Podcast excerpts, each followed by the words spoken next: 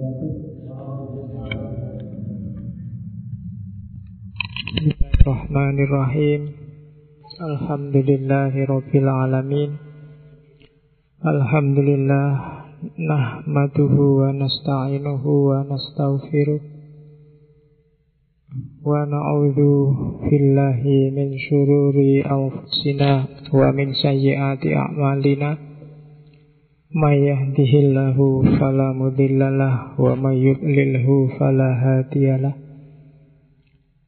Allahumma salli wa sallim wa barik ala habibina wa syafi'ina Sayyidina wa maulana Muhammadin wa ala alihi wa ashabihi wa man tabi'ahudah amma ba'du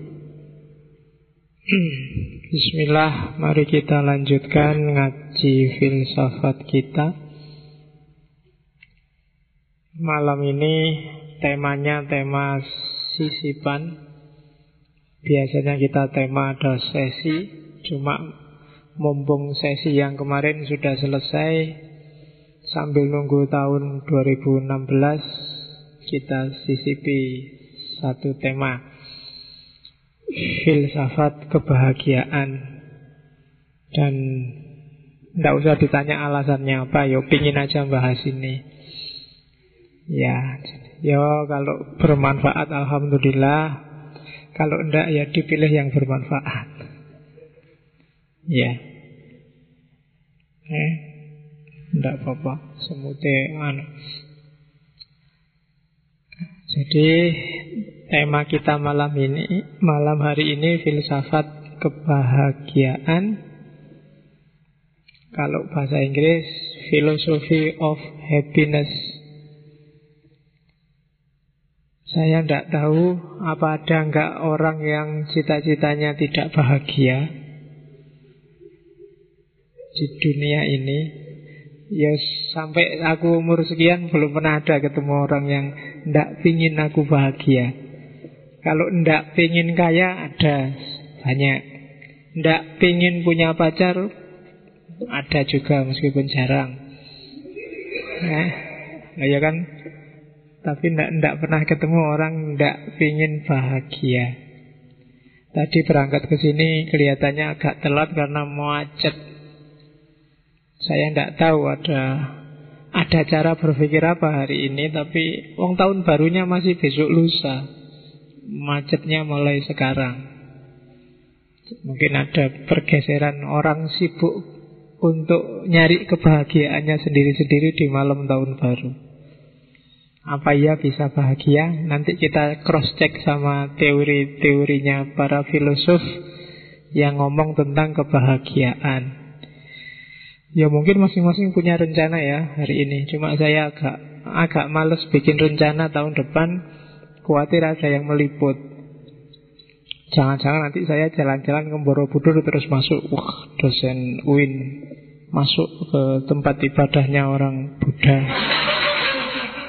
Susah aku Nanti ke Perambanan dianggap Wah itu tempat ibadahnya orang Hindu Itu kan tempat rekreasi Tapi kan tempat ibadah.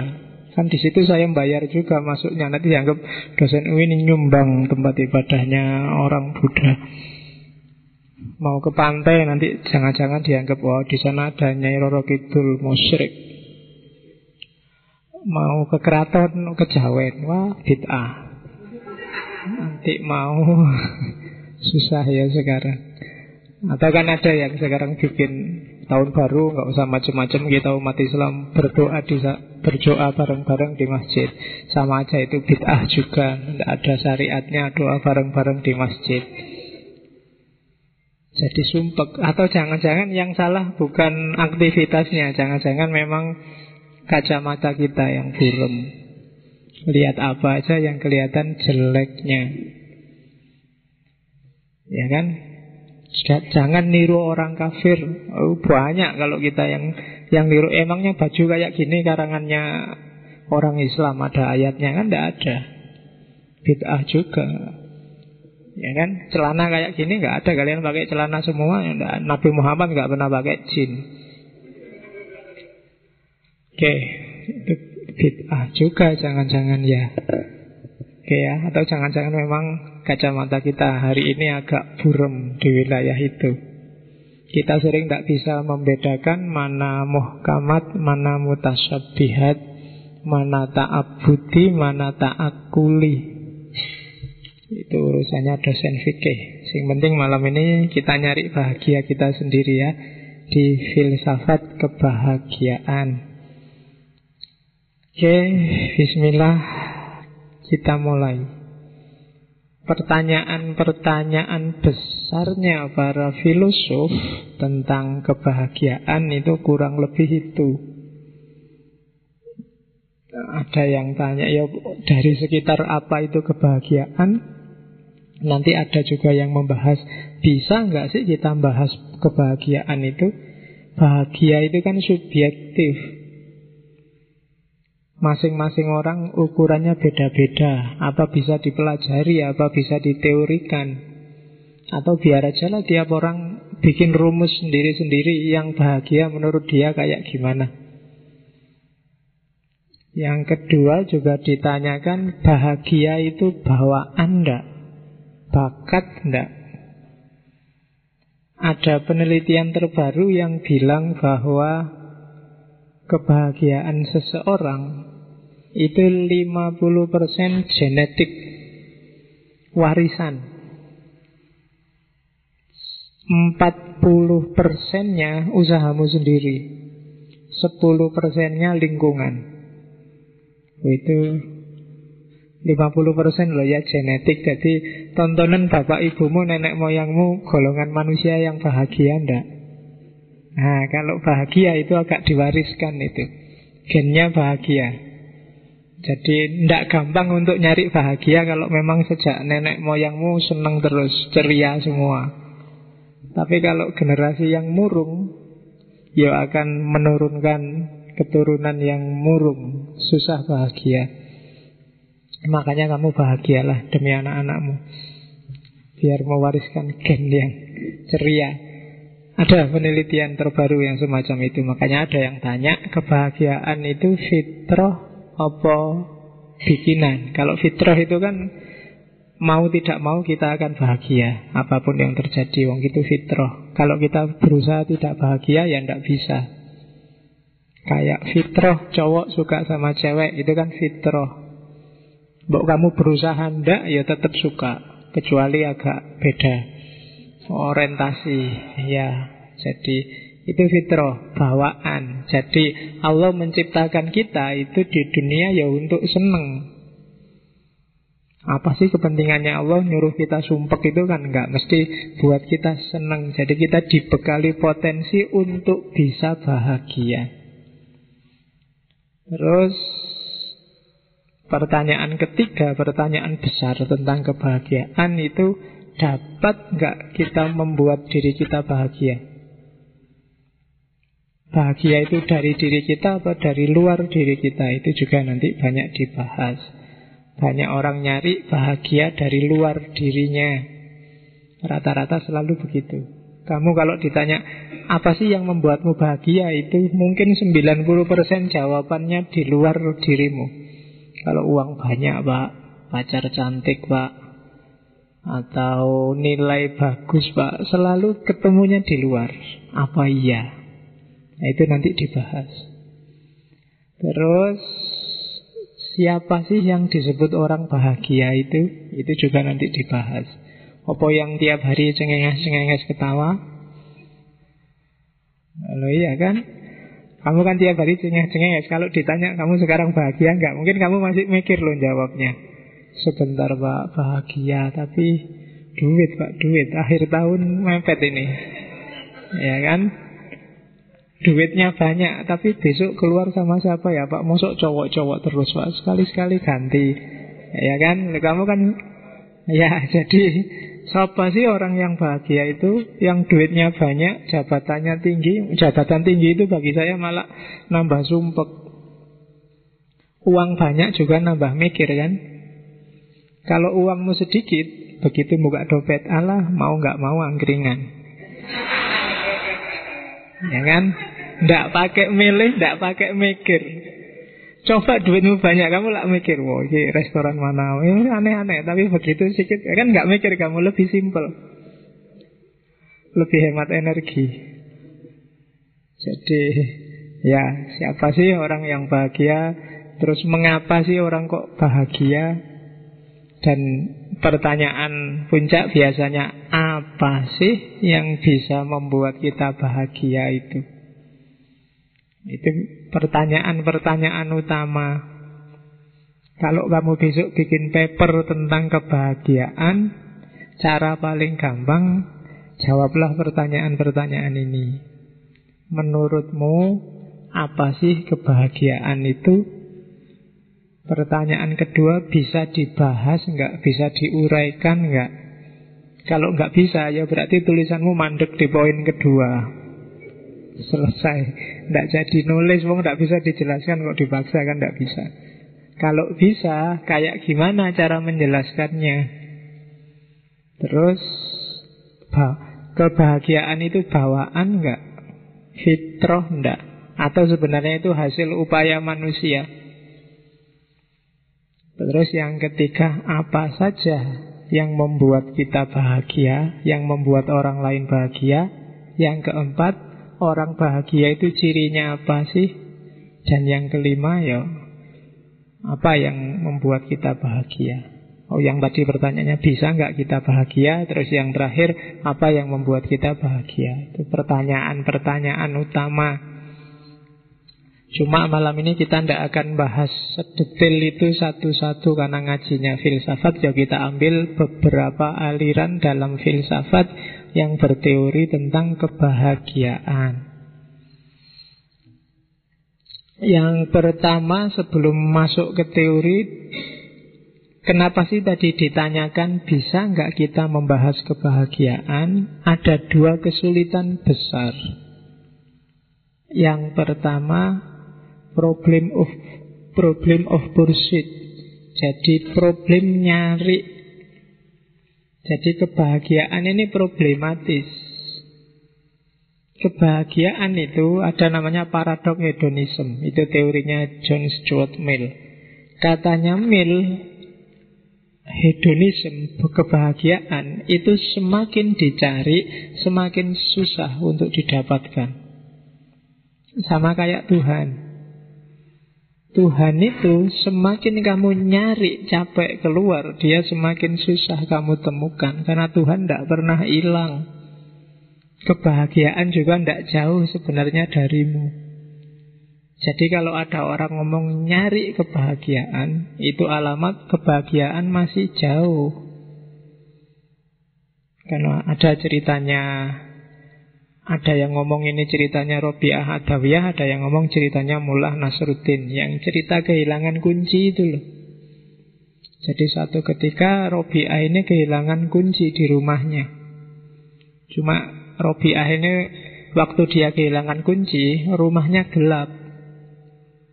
Ya mungkin PLN ini mati telat bayar. Nah, karena gelap susah toh nyari kunci di dalam rumah terus dia keluar diketawain sama Hasan Basri. Kamu itu kok lucu toh? Kunci hilangnya di dalam rumah. Kok nyarinya di luar rumah? Jawabannya Robiah, lah di dalam rumah gelap eh. Tak cari keluar, di luar kan terang. Ya. Terus Hasan Basri jawab, lah kamu kok bodoh toh yo? Kalau hilangnya dalam rumah, rumahnya gelap, Ya rumahnya dibikin terang. Nanti kan kuncinya ketemu. Terus Rabi'ah bilang Oh iya ya Berarti rumahnya kan yang dibikin terang. Bukan kamu keluar nyari tempat terang. Maksudnya apa? Ya kebahagiaan itu ada dalam dirimu. Tengok ke dalam. Kok nggak ketemu di dalam? Berarti rumahmu gelap bikin terang. Jangan keluar nyari yang terang. Di dalam, di luar yang terang itu tidak ketemu kunci kamu. Ya memang di sana terang kamu bisa lihat apa-apa, tapi kuncinya tidak ada di situ. Kuncinya ada di dalam. Cari dalam dirimu. Temukan, ambil dalam dirimu. Nah itu kalau di Mill ada teori namanya paradok hedonism. Semakin kamu cari kebahagiaan itu dia akan semakin susah kamu dapatkan. Tenang aja, kamu lihat ke dalam nanti ketemu kok. Karena sesuatu yang dikejar-kejar itu biasanya lebih susah untuk didapatkan. Nah, itu agak agak agak paradok memang. Silahkan kamu cek sendiri dalam hidupmu.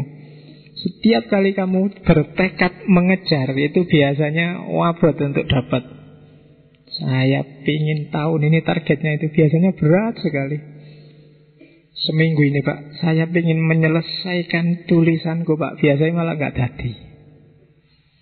Tiap kali pegang laptop baru mau ah, apa ya mulainya ya terus ah besok aja lah kalau dapat bahan lagi besok biasanya malah nggak jadi tapi begitu kamu nggak ngerencana tiba-tiba pegang laptop ah nulis ah jadi itu namanya paradok hedonism ini yang bikin kebahagiaan itu susah dijelaskan semakin akan dijelaskan dia semakin jauh karena setiap orang beda-beda Problem kedua adalah problem predicting.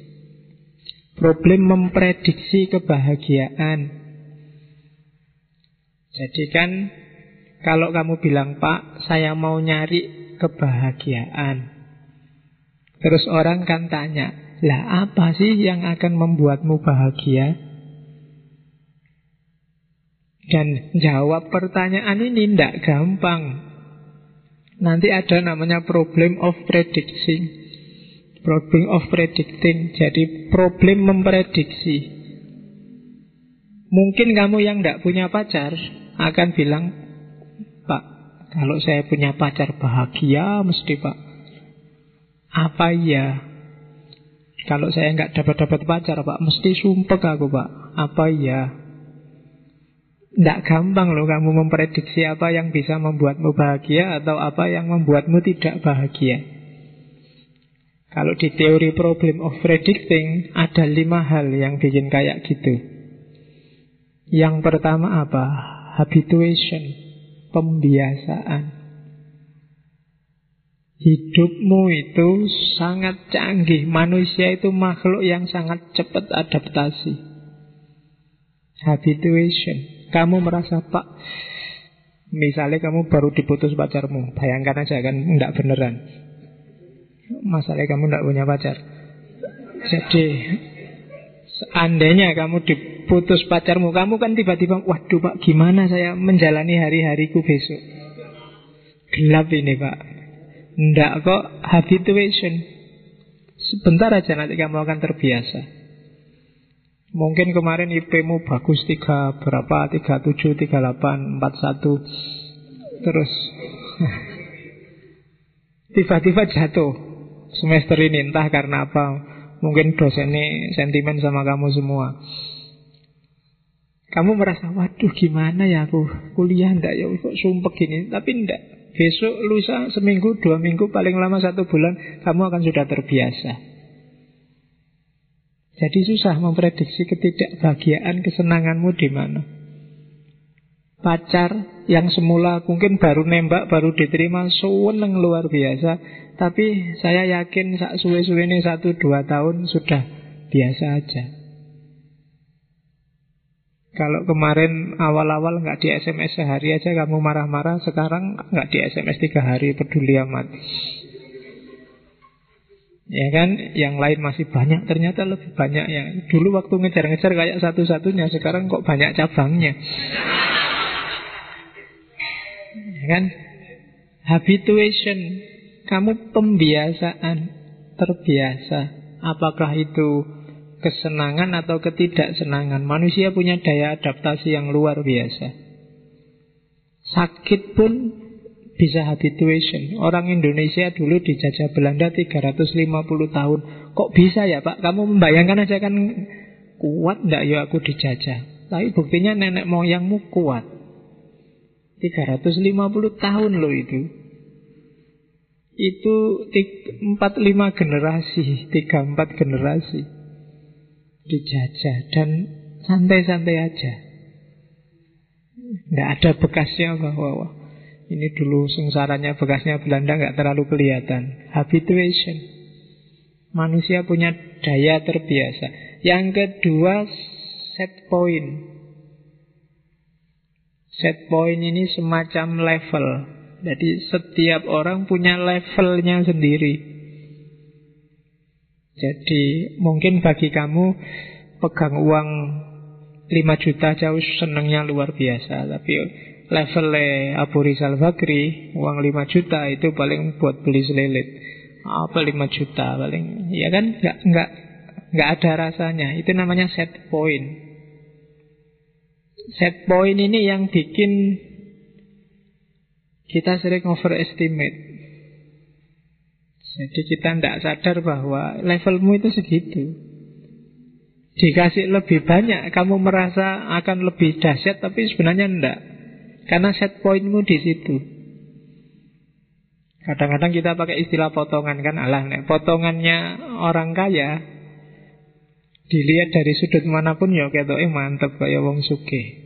Tapi nek potongan kita itu ya mungkin tidak ada yang percaya. Mbok kamu kaya beneran cerita itu orang tidak percaya. Ah, kenapa? Ya kan? Potongan kita itu set poinnya memang set poin menengah ke bawah. Arloji yang 35, 25 gitu kan. Kalau pakai arloji mahal sak juta orang tidak percaya. Allah potonganmu arloji satu juta. Atau kalau pakai arloji mahal tangannya malah gatel. Jadi ya, itu namanya set point. Setiap orang punya set point sendiri. Bahkan kadang-kadang makanya ada ada IQ, ada SQ, EQ itu kan bisa ditakar. Itu semacam set point.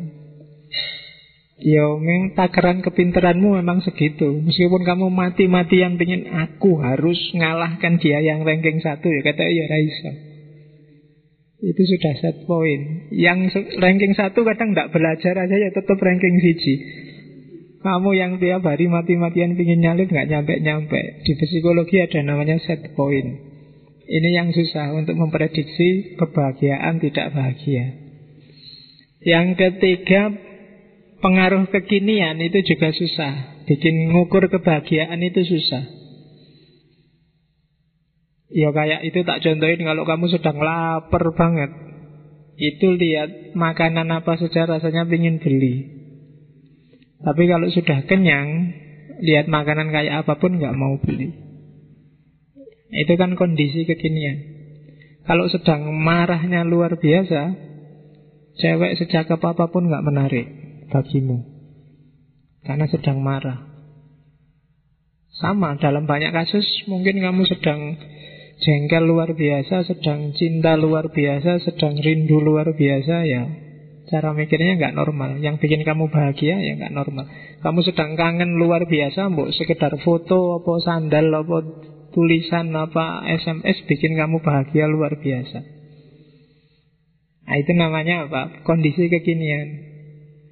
Jadi nggak bisa Misalnya kamu sedang kangen luar biasa Terus lihat sandalnya yang dulu ketinggalan di depan rumah Wah, Sandal Leo bikin aku teringat padamu Itu kan bukan parameter Kamu nggak bisa berteori bahwa Lihat sandalnya pacar itu bikin bahagia Kenapa? Karena itu rasa itu muncul dalam kondisi kekinian Yang tidak selalu begitu kalau sudah bolak-balik ketemu ya ndak butuh sandalnya lagi, mbok. Sandung-sandung sandarnya mbok buang-buang, mbok injek-injek nggak masalah. Tapi ketika kangen, sandal jadi berharga luar biasa.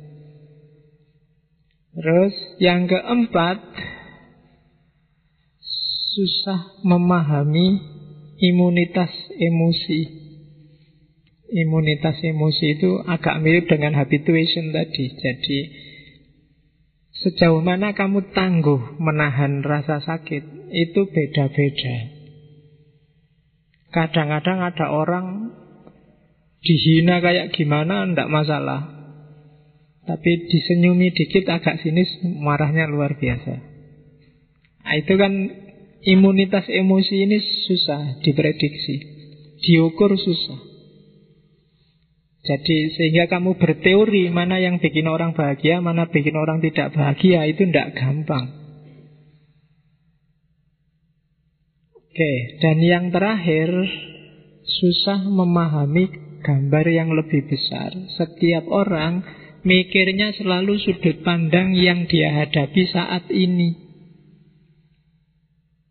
Ya kayak tadi loh, kamu diputus pacarmu seolah-olah dunia gelap. Padahal urusan pacaran itu kan hanya satu wajah dari seluruh kehidupanmu. Dari gambar besar hidupmu. Tapi Jatuh di situ saja, seolah-olah hidupmu jatuh semua. Kuliah itu hanya satu sisi dari keseluruhan hidupmu. Tapi begitu kuliah gagal kan seolah-olah hidupmu gelap masa depanmu selesai. Padahal tidak itu hanya satu sisi. Banyak orang yang tidak kuliah dan sukses. Tapi kan kamu dijelasin gitu juga susah. Oh, gelap masa depanku kan gitu. Ya kuliah lagi nyari yang lain Nggak bisa Sama kayak pacaran tadi kan Wah siapa lagi pak Ini sudah mati-matian Terlanjur ku berikan semua misalnya Seolah-olah semua urusan Jadi ruwet gara-gara itu Padahal itu hanya satu aspek saja Masih banyak aspek hidup yang lain Kalau ada melihat apa pun itu Ingatlah bahwa itu hanya satu sudut pandang, satu aspek. Maling itu satu aspek ketika dia maling. Ketika dia pulang, bantu istrinya masak, nyuci beras, nyapu-nyapu, ya dia bukan maling. Rampok juga gitu, dia jadi perampok ketika dia merampok. Makanya kan ada hadis itu kan, tidak berzina ketika dia berzina, wahwa mukmin. Jadi Orang mukmin nggak mungkin berzina. Ketika dia berzina berarti dia bukan mukmin. Selesai berzina ya mukmin lagi. Karena ada hadisnya yang kayak gitu. Jadi itu menunjukkan bahwa hidup ini multidimensi. Tadi di kantor korupsi, itu kan sisi dia ketika korupsi Pulang terus ke masjid Nyumbang orang anu berapa ratus juta nah, Itu sisi baiknya dia Tapi dia juga punya sisi gelap Dan itulah hidup Cuma orang sukanya mengeneralisir. Ah, berarti memang dia koruptor. Ah, sementara yang di kampungnya ngerti dia nyumbang banyak. Oh, dia bukan koruptor tapi dermawan. Sebenarnya semua benar. Dia korupsi waktu di kantor dan dia dermawan waktu di masjid. Jadi itu gambar besar. Ini yang bikin ngomong kebahagiaan itu tidak simple. Jadi manusia itu sangat kompleks, sangat rumit. Karena Allah sudah bilang, pelajarilah alam semesta dan manusia. Kalau bagi orang Jawa, jagat gede dan jagat cilik. Jagat cilik itu mewakili jagat besar. Kalau kamu kenal dirimu, kamu akan kenal alam semesta. Kalau begitu kamu kenal alam semesta, kamu akan kenal Tuhan. Makanya man arofa nafsahu arofa robbahu. Oke, jadi itu pengantarnya. Maka kalian tidak usah bingung kalau kapan-kapan belajar filsafat kebahagiaan. Teorinya banyak sekali dan macam-macam. Yang kita tampilkan malam ini hanya sebagian kecilnya saja. Mungkin saya ambil dua kutub besar. Yang pertama namanya hedonisme. Yang kedua namanya eudaimonisme. Nanti kita lihat apa isinya. Oke. Yang fase pertama sekarang hedonisme. Istilah ini sering kamu pakai kalau ada orang pinginnya seneng-seneng terus, kamu sebut dia hedonis.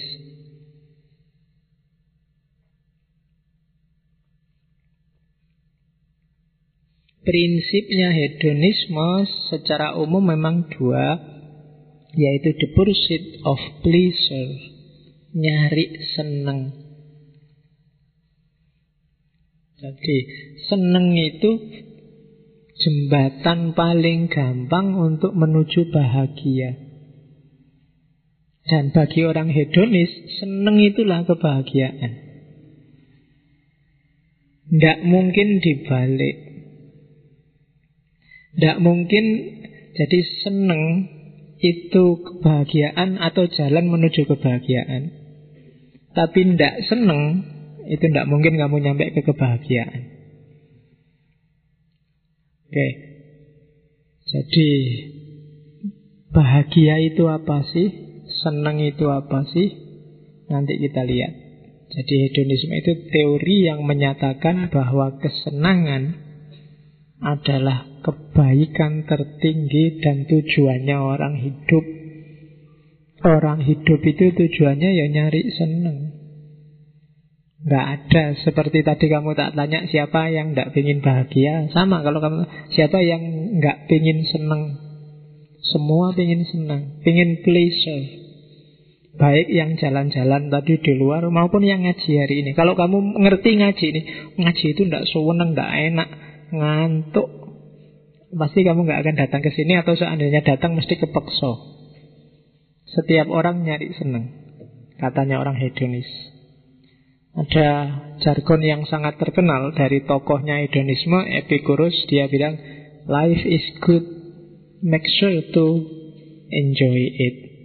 Hidup ini bagus hidup ini indah. Pastikan kamu menikmatinya. Banyak loh orang yang lebih milih bersusah-susah Lebih milih ndak enak, ndak enak Lebih milih yang sumpek-sumpek. Ndak, hidup ini indah kok. Nikmati aja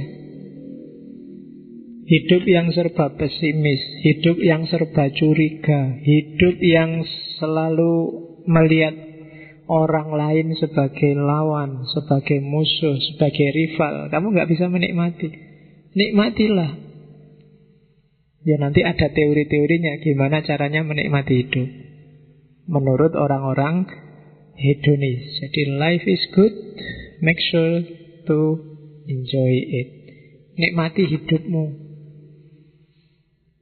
umur kita tidak panjang. Ya kan? Kalau katanya orang Jawa, hidup itu mampir ngombe. Ya, kan? ya sambil ngombe minum ngombe sing enak-enak tapi jangan ngombe yang tidak enak. Sambil beli-beli gorengan, sambil nongkrong, sambil ngombe. Ah, jadi dinikmati. Sebentar tapi nikmat. Sebenarnya Allah menciptakan manusia kan itu. Sebagai khalifah, wakililah Allah di muka bumi. Nikmatilah semua fasilitas yang diberikan Allah di muka bumi. Kan itu sebenarnya. Dalilnya orang hedonis. Life is good, make sure to enjoy it. Kita lihat satu-satu pikiran tokoh-tokohnya. Hedonisme lahir Yunani yang jelas Yang mengembangkan beberapa di antaranya murid-muridnya Socrates Antara lain yang pertama namanya Aristipus. Katanya Aristipus, keutamaan jadi hidup yang baik, hidup yang utama itu adalah mencari yang baik. Yang baik itu apa? Yang baik yang bikin senang. Semua yang berbuah kesenangan itu berarti baik. Jadi parameternya simple kalau di Aristipus. Ada apa pun coba kamu cek nanti hasilnya menyenangkan ndak? Kalau hasilnya ndak menyenangkan pasti itu jelek. Kalau menyenangkan itu baik. Jujur misalnya. Kamu kan kadang bingung, Pak kok rumit ya Pak ada jujur yang boleh, ada jujur yang tidak boleh. Kan kamu sering diceritain gitu. Ukurannya boleh, yang tidak boleh gimana Pak itu Pak? Simpel kalau katanya Aristipus. Hasilnya menyenangkan enggak? Enak enggak? Kalau hasilnya menyenangkan berarti itu boleh. Kalau tidak menyenangkan berarti tidak boleh. Ngomong apa adanya itu kan bagus, tapi kadang-kadang juga jelek. Ngukurnya gimana? Hasilnya aja menyenangkan enggak? Ada temanmu misalnya gondut, tubuhnya besar. Terus kamu, halo ndut. Nah, itu kan hasilnya nggak menyenangkan. Meskipun jujur. Kamu ngomong, loh salah saya apa? Saya ngomong apa adanya kan. Cuma itu tidak menyenangkan hasilnya Kamu kehilangan teman, dia marah, dia tersinggung Berarti apa? Meskipun kamu jujur ngomong apa adanya Tapi jelek, tidak utama itu berarti jadi ukuran moralitas diukur dari kesenangan yang dimunculkan. Oke. Minum teh ini Ya, tak kasih contoh. Karena sedang haus. Ini baik. Kalau saya suka sama teh sehingga waktu minum saya seneng. Tapi kalau saya tidak suka teh, misalnya ini manis, mungkin saya punya kencing manis. Jadi minum teh ini tidak tak minum gimana, tak minum sudah dikasih, padahal aku punya penyakit. Hasilnya kan nggak menyenangkan. Maka takmir yang ngasih minum ini itu sebenarnya nggak baik. Atau tiap rebu kok teh terus sekali-sekali ganti opo kayak misalnya Lho yo iki contoh. Lo ya kan, lo padahal tadi niatnya apa? Cuma kok hasilnya ndak bagus. Berarti tidak utama. Itu teorinya Aristipus. Lah yang ngukur menyenangkan apa tidak menyenangkan itu apa? Yo akal. Manusia kan dikasih akal. Dengan akal dia harus ngukur apakah yang didapat kesenangan atau kesusahan. Kalau itu kesenangan berarti baik, kalau itu kesusahan berarti jelek. Nah, katanya Aristipus juga kesenangan itu sifatnya aktual. Jangan ngukur kesenangan yang potensial.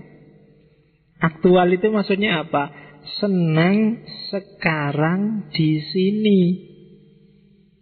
Bukan senang besok, juga bukan senang dulu.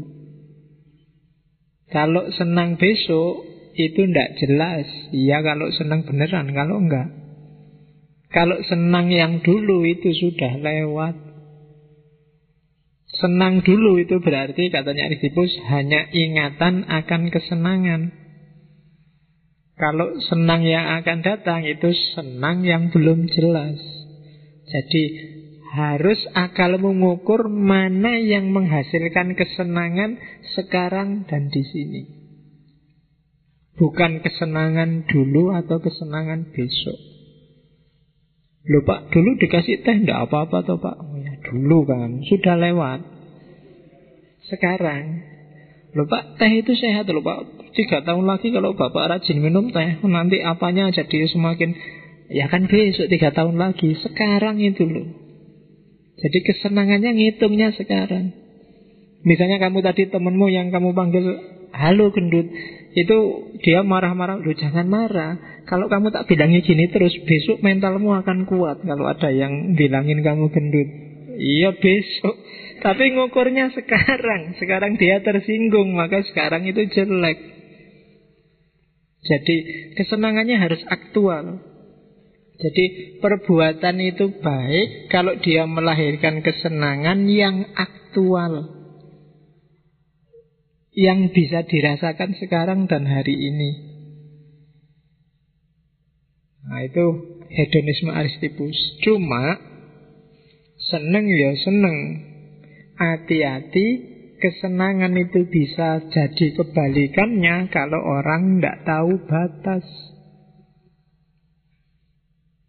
Mangan itu seneng, enak. Kamu kan senang makan. Cuma kalau kamu nggak tahu batas, dia jadi penyakit. Jadi cari kesenangan yang aktual, cuma ketahuilah batasmu kapasitasmu. Di situ kamu akan ketemu kebahagiaan. Kapasitas itu berarti ya jangan terlalu sedikit juga jangan terlalu banyak. Kalau terlalu sedikit ya tidak jadi senang, terlalu banyak berlebihan juga tidak akan kamu rasakan senangnya. Jadi justru Katanya Aristipus, hidup itu ndak usah mikir neko-neko, cari yang kamu seneng tapi sadari batasmu. Kuncinya di situ. Ndak usah underestimate, ndak usah overestimate. Kamu ukur aja batasmu sampai apa. Kalau makan bagi kamu satu piring sudah kenyang, ya sudah, jangan dua piring. Apalagi tiga piring. Kadang-kadang kan kamu gitu, mumpung gratis. mumpung ono sing traktir. Eman-eman Pak, eman-eman tapi tidak ada nikmatnya nanti. Justru nikmat itu kalau kamu ngerti batasmu. Makanya Nabi kan wanti-wanti makan Berhentilah sebelum kenyang. Enak kalau berhenti sebelum kenyang. Kalau sudah kenyang kamu tidak enak. Makanan kehilangan rasanya. Oke, kan kehidupan dunia itu kan gitu. Enak Kalau kamu teruskan kamu jadi jemu. Kalau kamu teruskan kamu bisa jadi benci jadi harus harus kalau makanan dia bisa jadi penyakit. Gula itu penting, kebanyakan gula jadi penyakit. Garam itu penting, kebanyakan garam jadi penyakit. Air putih itu loh penting, tapi coba kebanyakan air putih, dia jadi penyakit. Maka kamu harus tahu batas. Nafas juga penting, tapi kebanyakan nafas, kayak angin, kamu masuk angin. jadi penyakit ya kan? Apalagi nafasnya banyak nggak bisa keluar-keluar di dalam anginnya, penyakit juga. Jadi carilah kesenangan yang aktual, akalnya dipakai untuk mengukur dan sadari batasmu. Kalau kamu bisa menjalankan rumus ini, kamu akan bahagia. Jangankan yang itu, wong yang jelas seneng-seneng misalnya guyon, gurau. Itu kalau kebanyakan juga tidak enak. Kadang-kadang berakhir dengan tersinggung, berakhir dengan gegeran. Kamu bisa kehilangan teman gara-gara gurauan. Kenapa? Kamu limitnya kelewatan. Harus sadar batas. Meskipun tadi awalnya seneng-seneng. Oke, jadi itu tokoh pertama dari hedonisme. Haris Tipus. Tokoh kedua Epikurus atau kalau di Indonesia ditulisnya Epikuros. Sama-sama dalam genre hedonis bahwa kebahagiaan itu kesenangan, kenikmatan. Jadi segala yang mendatangkan rasa nikmat. Cuma pertama-tama kita lihat katanya Epikuros, coba dicek deh. Yang bisa tahu kesenangan itu orang bijaksana. Phronesis. Phronesis itu apa sih cirinya? Ya yang yang belajar filsafat selama ini kan dikasih tahu bahwa filsafat itu cinta kebijaksanaan. Apa sih cirinya bijaksana? Yang pertama orang bijaksana itu orang yang bisa ngukur kenikmatan dan rasa sakit. Itu bijaksana. Orang yang bisa mempertimbangkan Oh kalau ini dilakukan Nikmatnya sekian, sakitnya sekian Manfaatnya sekian, mudorotnya sekian. Orang yang bisa kayak gini ini golongan orang bijaksana. Tidak asal komentar, tidak asal ngomong Tapi kalau ngomong pakai pertimbangan. Katanya Ibu Kuros, orang bijaksana ciri pertama Dia bisa mengukur maslahat mudorot, nikmat atau sakit yang kedua, orang bijaksana itu orang yang bisa membatasi keinginannya. Kenapa begitu? Katanya Ibu Kuros, kesenangan itu tidak bisa ada batasnya. Karena kesenangan tidak ada batasnya, maka sebenarnya kepuasan itu tidak ada batasnya. Yang bisa membatasi apa? Dirinya sendiri. Kalau pas uangmu banyak, itu kamu lima piring juga bisa kamu beli. Tapi yang menghentikanmu untuk tidak beli lima piring kan dirimu sendiri. Jadi orang bijaksana itu orang yang bisa membatasi kebutuhannya, membatasi keinginannya. Cita-citamu kan banyak. Keinginanmu kalau dituruti, kalau didaftar itu bisa sak buku penuh. Pengen beli baju yang kayak gitu Pak Pengen beli celana yang kayak gitu Sepatu yang kayak gitu Pacar yang kayak gitu Model rambut yang kayak gini itu Kalau di list bisa banyak. Tapi kuncinya kamu bijaksana Yang nanti ujungnya kebahagiaan adalah Bisa nggak kamu membatasi keinginanmu. Semakin kamu canggih bikin batas Semakin hidupmu mudah bahagia tapi semakin banyak keinginanmu, semakin liar keinginanmu, semakin kamu susah untuk menemukan kebahagiaan. Itu ciri kedua orang bijaksana.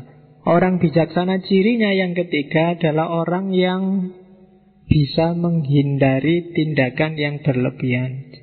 Tidak berlebihan, tidak ekstrim. Hari ini kan banyak orang ekstrim. Kalau sudah A ya A ekstrim, kalau sudah B ya B ekstrim, kalau sudah C ya C ekstrim. Biasanya orang kayak gini tidak bijaksana. Karena dia sudah lebur dalam ekstremitasnya.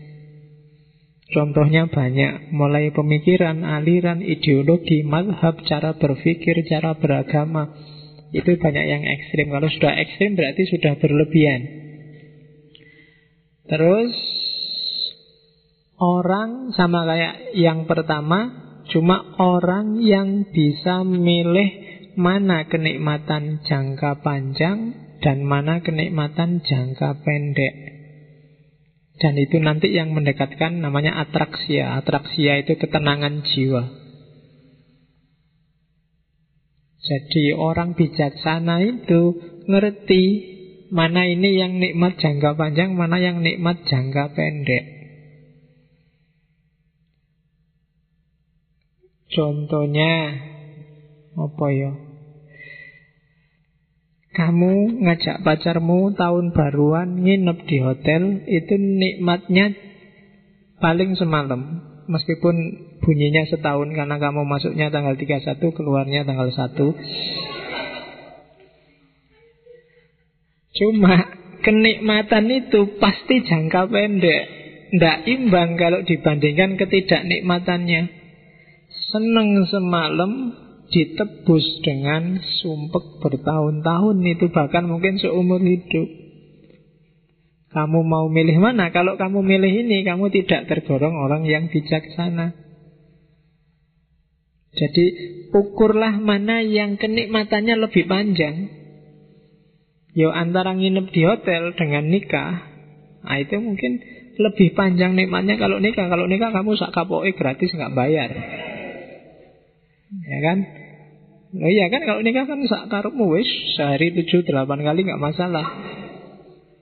Ya kan lo dan gratis kan sekarang nikah itu di KUA paling kalau hari aktif ke KUA kan bisa langsung gratis daripada kamu masuk hotel membayar. Ya. Atau ya pokoknya kui. Ndak enak mau cerita. Oke, terus neng masjid deh. Kedua ya, jadi itu Epikuros.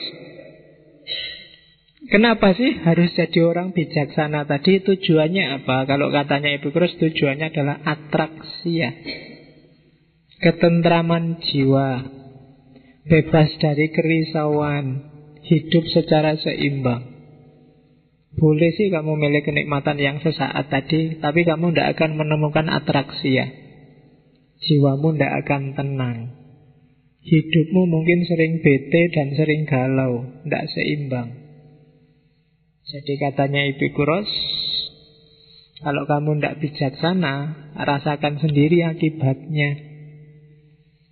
Semua problemmu mungkin kamu gampang galau, gampang bete, judek mikir macam-macam. Itu pasti karena kamu tidak bijaksana tadi. Tinggal tinggal dibalik aja tadi cirinya bijaksana apa, apa sih yang sudah kamu lakukan? Sehingga bikin kamu tidak ketemu atraksia. Dan nanti dari cermatannya Epikuros justru hidup bahagia itu ternyata malah hidup yang sederhana. Keinginan dibatasi, kesenangan dicari yang lebih jangka panjang, tidak mudah terpengaruh sekeliling. Jadi semua cirinya bijaksana tadi kalau diwujudkan dalam hidup justru hidup yang biasa-biasa, yang sederhana. Tidak boros juga tidak pelit, tidak pengecut juga tidak nekat. Sederhana tengah-tengah. Sederhana itu bukan berarti kekurangan ya. Sederhana itu simple. Simple itu apa adanya, apa butuhnya. Butuhnya lima, ya ngambil lima. Butuhnya sepuluh, ya ngambil sepuluh. Kita kan kadang-kadang serakah. Butuhnya lima, kalau bisa ngambil sepuluh, ya ngambil sepuluh. Dan itu sering blunder. Sebenarnya di Jogja mungkin sebulan sebanyak-banyaknya paling kamu satu juta itu bagus wis. Uang sakumu. Tapi kan kadang-kadang kamu minta lebih ke orang tua. Beli buku lah, bayar apa lah. Kan kamu ngapusi itu. Itu biasanya malah jadi sumber masalah. Ketika kamu nambah yang tidak seharusnya, atau mungkin mengurangi dari yang kebutuhanmu, yang terjadi pasti problem. Kamu akan kehilangan atraksia Jiwamu tidak akan tenang, risau, bete, galau, pokoknya tidak seimbang mentalmu.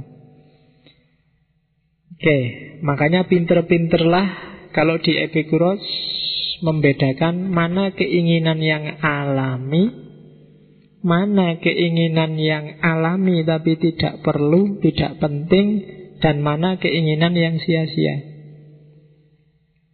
Makan misalnya. Makan itu keinginan alami. Setiap orang butuh makan. Cuma kalau bisa cukup keinginan alami saja. Seandainya terpaksa, ya keinginan alami yang tidak penting juga mungkin boleh lah. Makan milih yang enak-enak. Tapi semoga tidak yang ketiga. Keinginan yang sia-sia. Ya mungkin kalau makanan ya tidak cukup yang enak-enak tapi juga ditentukan mereknya apa, warungnya mana.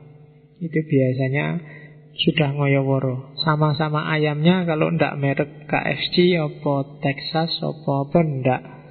Apa yang chicken-chicken lokal itu ndak ada anunya. Itu berarti masuk level ketiga. Sebenarnya cukup yang alami saja hidup kita sudah terjamin kok. Makan saja hidup kita sudah terjamin. Makan itu kan yang butuh tubuh Yang butuh perut Biasanya yang rewel itu kan lidah Nah jadi kalau bisa Makan jangan nuruti lidah Turuti perut aja. Perut itu tidak rewel Kamu kasih apa aja dia masuk. Cuma yang sering cerewet itu kan lidahmu. Kalau sudah di dalam sini Apakah itu ayam apa tempe apa tahu Makomnya sama. Ya Jadi dia levelnya sama, makomnya sama, nanti keluarnya juga mirip. Jadi tidak ada bedanya.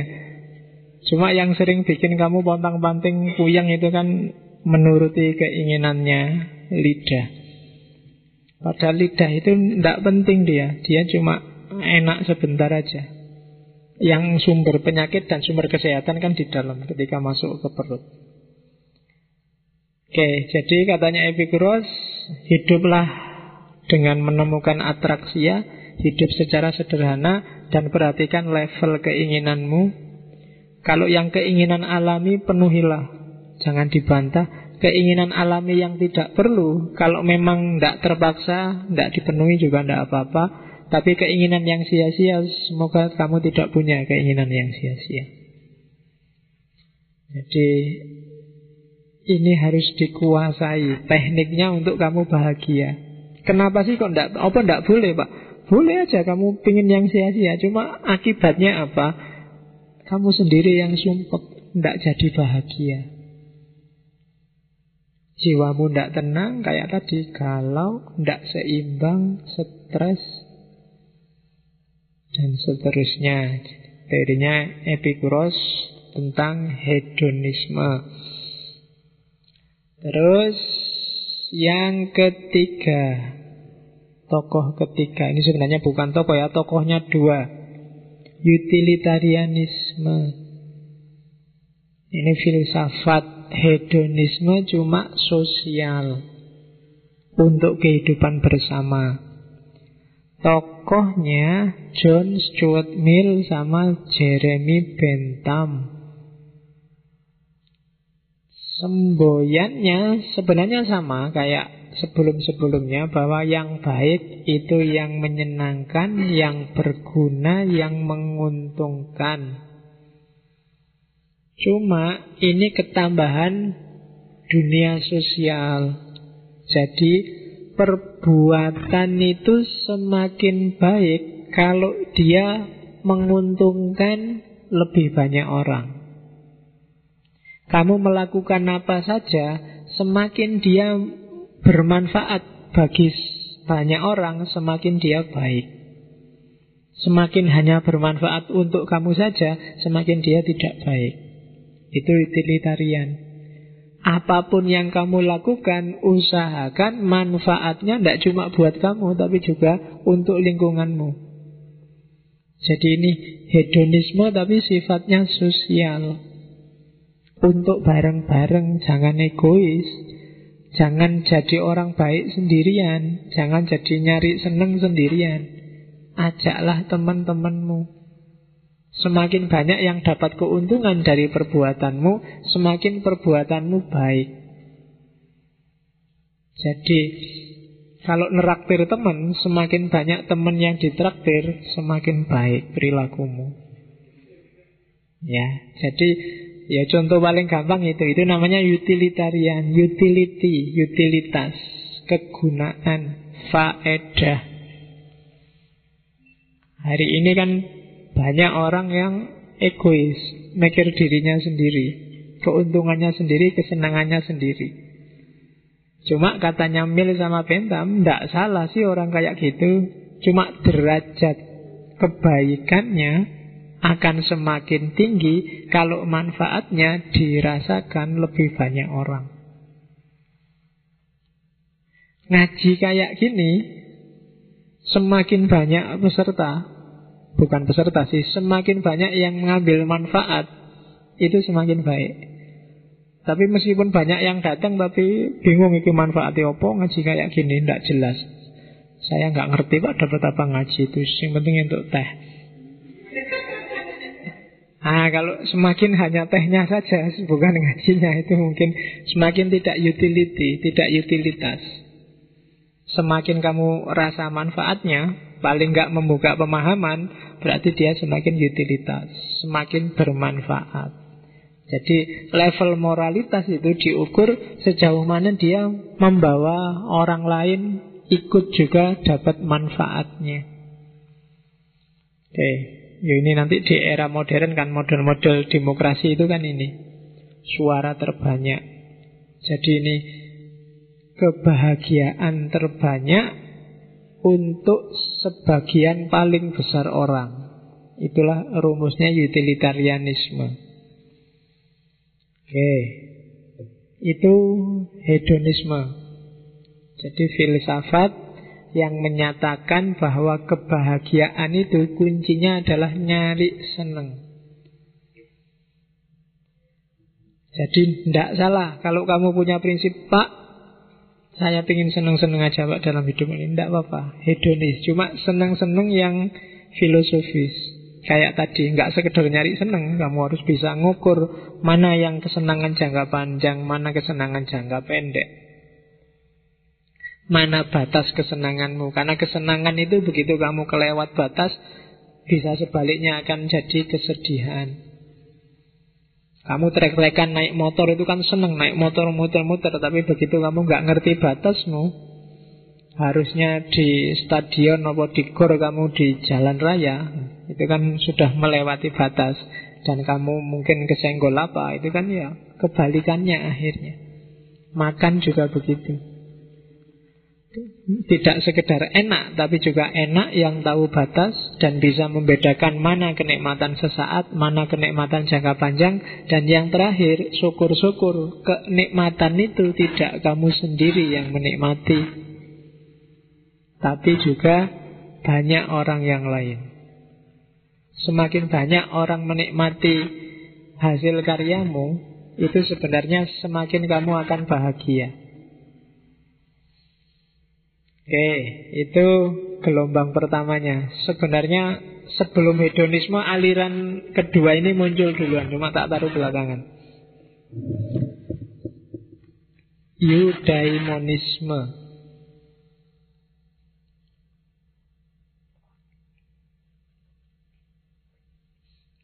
Jargonnya, ini jargon dari Aristoteles. Pleasure is limited goal happiness is complete goal. Jadi kesenangan itu tujuan yang terbatas. Kebahagiaan itu tujuan yang yang komplit utuh. Itu eudaimonisme dari asal kata eudaimon. Oke, ya kita seneng-seneng sama mic dan soundnya. Eudaimon itu sebenarnya kalau letter luck Daimon itu roh penunggu. Jadi eudaimonisme itu Orang yang punya jin penunggu yang baik. Cuma terus daimon itu asosiasinya digeser menjadi jiwa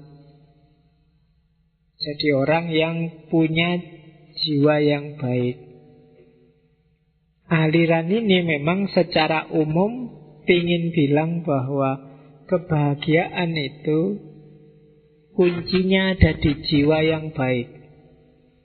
Bukan pada kesenangan yang didapat.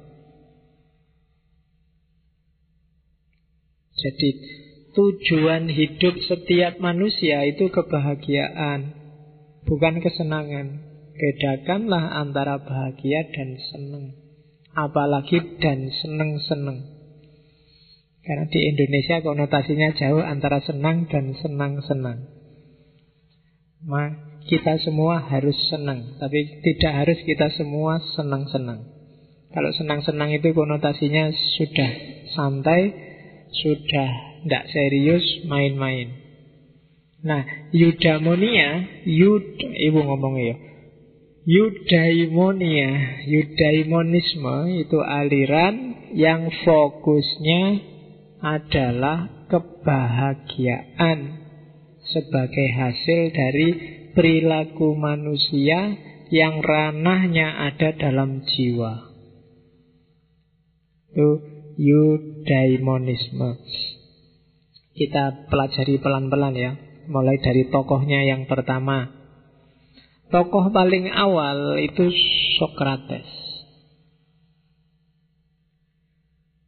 Saya ingin nanti ada satu sesi khusus ngomong tentang Sokrates.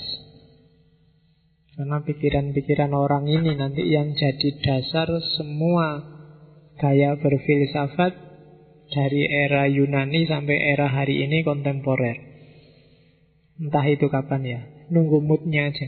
Kamu berdoalah semoga Allah membuka hati kita untuk ketemu Sokrates yang bagi banyak kalangan dia ini mungkin nabi.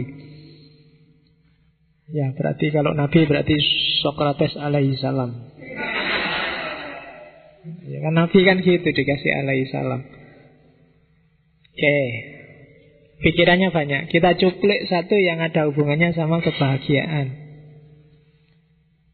Tadi saya bilang tujuan hidup manusia itu kebahagiaan Itu dari Sokrates yang jelas. Cuma kebahagiaan itu tidak diperoleh dari senang-senang Tapi diperoleh dengan kita melakukan keutamaan Arate. Dan untuk tahu keutamaan Ya kita butuh pengetahuan yang benar Jadi keutamaan itu hubungannya dengan pengetahuan yang benar. Berarti apa? Bahagia atau tidak itu kuncinya adalah kita bisa mikir yang benar enggak. Kalau kita nggak bisa mikir secara benar, ya kita tidak akan bahagia.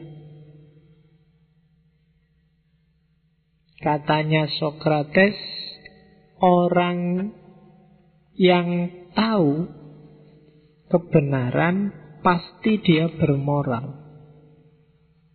Dan orang yang bermoral pasti dia bahagia. Ini rentetannya agak panjang. Pak kan banyak pak orang pinter tapi tidak bermoral. Pasti dia tidak bahagia kalau begitu. Kenapa tidak bahagia? Karena pengetahuannya tentang kebenaran tabrakan dengan praksis hidupnya. pasti dia tidak akan bahagia. Jadi pengetahuan yang benar, perilaku yang benar, baru dari situ lahir kebahagiaan. Tanpa pengetahuan yang benar, tidak mungkin perilaku jadi benar. Dan tanpa perilaku yang benar, tidak mungkin nanti ada kebahagiaan. Kalau ada orang pinter, tahu mana benar, mana salah, yang dilakukan kok yang salah, dia tidak akan ketemu kebahagiaan. Karena hidupnya sendiri sudah paradok.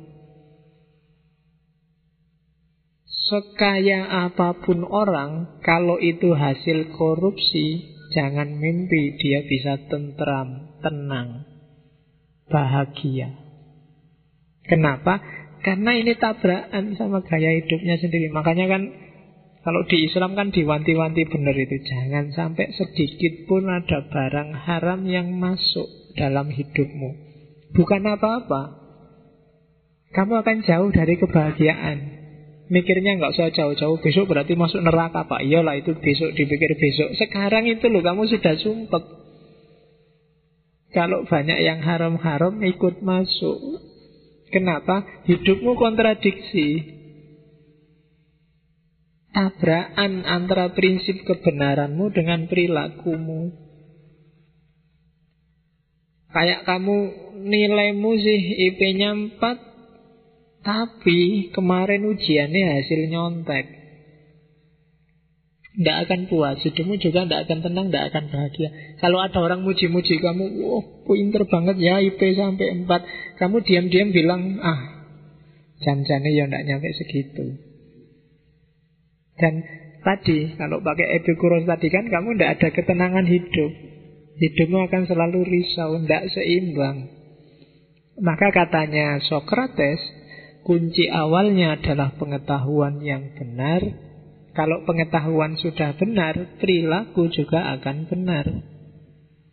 Kalau perilaku benar, orang akan ketemu kebahagiaan.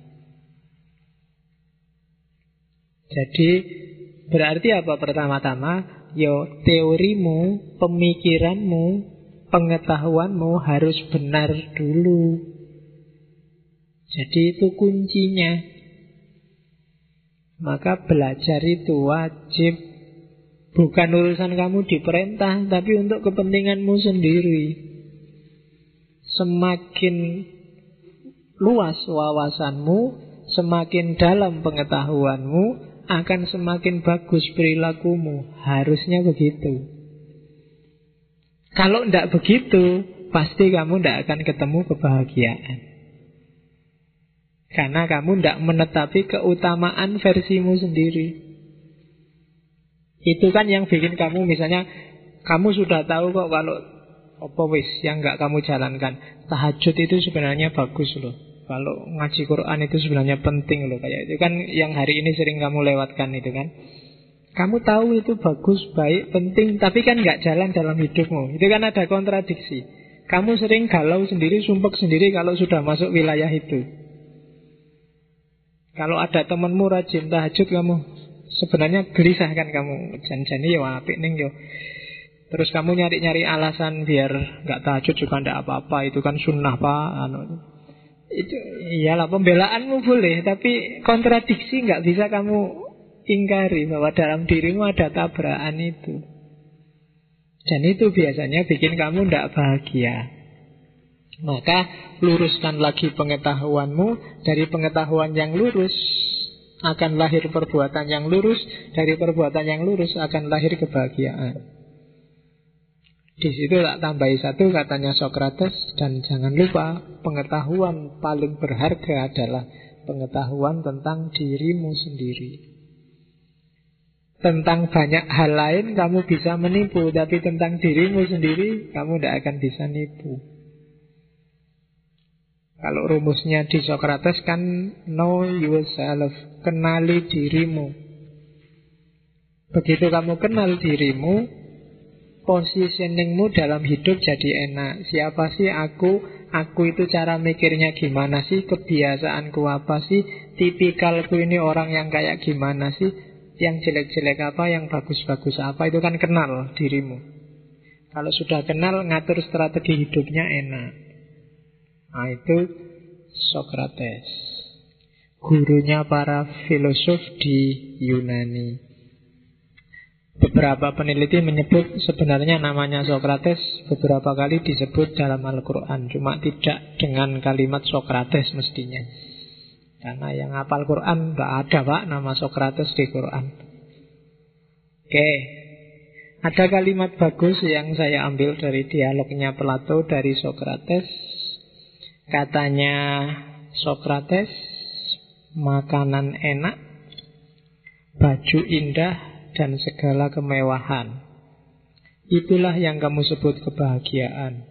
Namun, katanya Sokrates, aku percaya suatu keadaan di mana orang tidak mengharapkan apa pun adalah kebahagiaan tertinggi.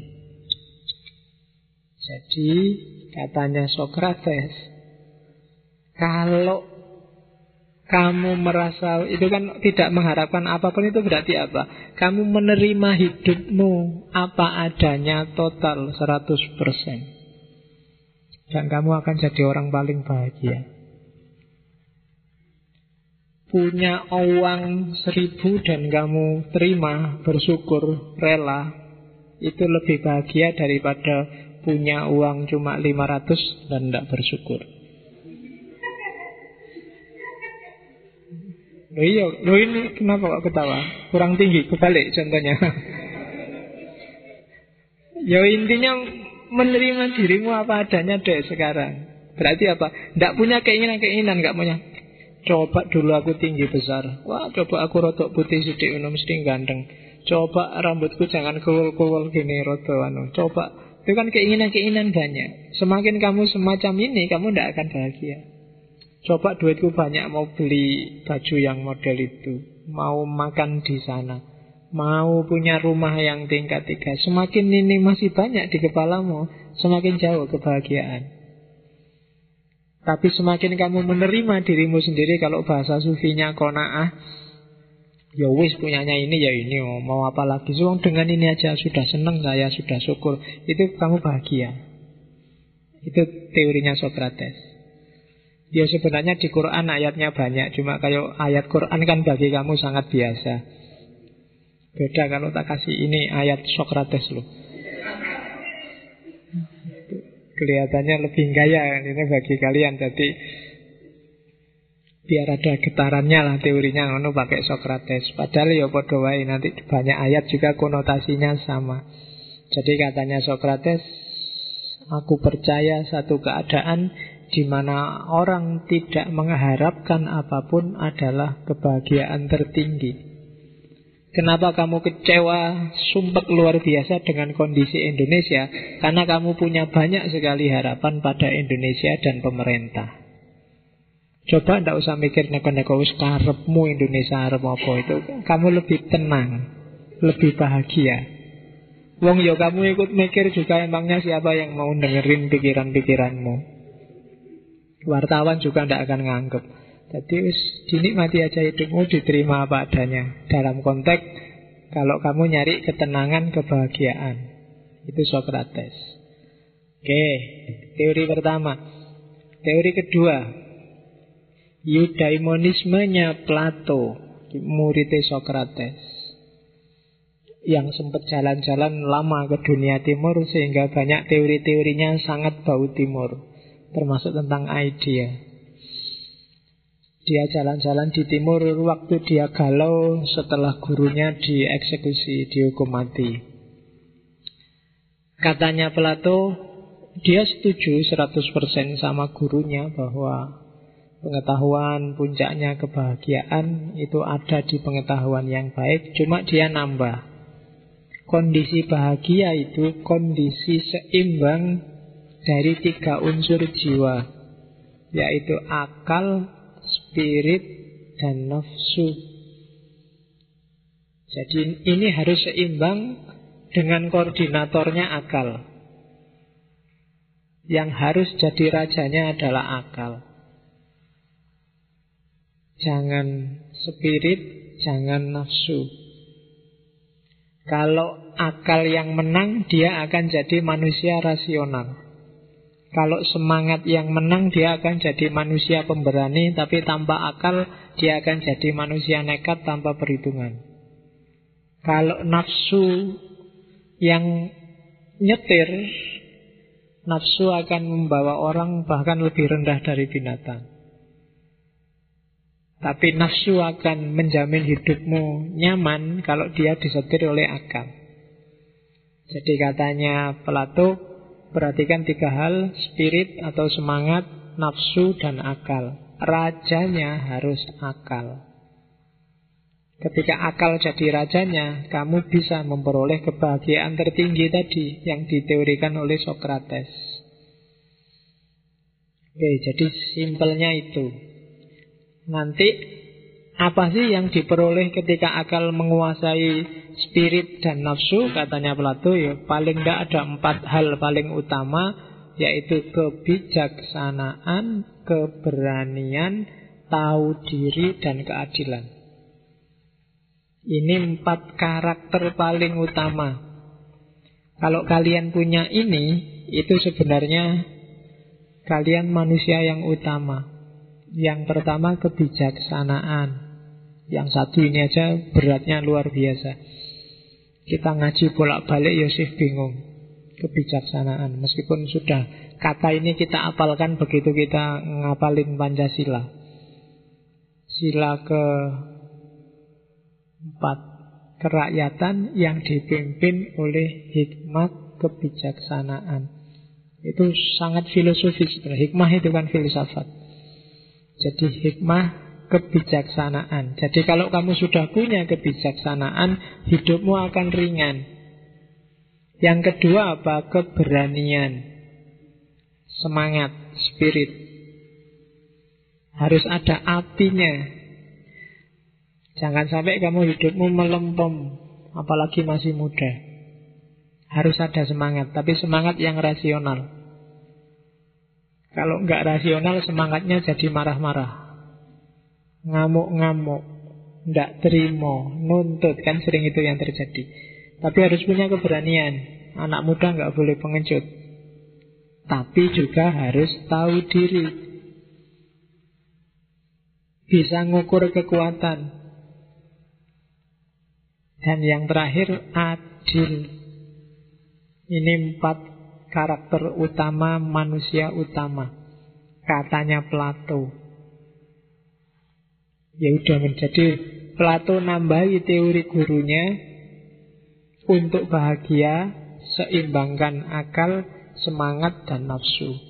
Akal tadi sudah disebut oleh Socrates, ditambahi dua oleh Plato, semangat dan nafsu. Orang hidup harus ada gairah untuk berkembang, gairah untuk selalu lebih baik. Dan yang terakhir, jangan dilupakan nafsu juga harus dipenuhi. Jangan tidak kawin, jangan tidak makan, jangan tidak minum. Dipenuhi tapi dikendalikan oleh akal. Kawin itu bagus, tapi kawan kawin itu jelek. Itu nafsu.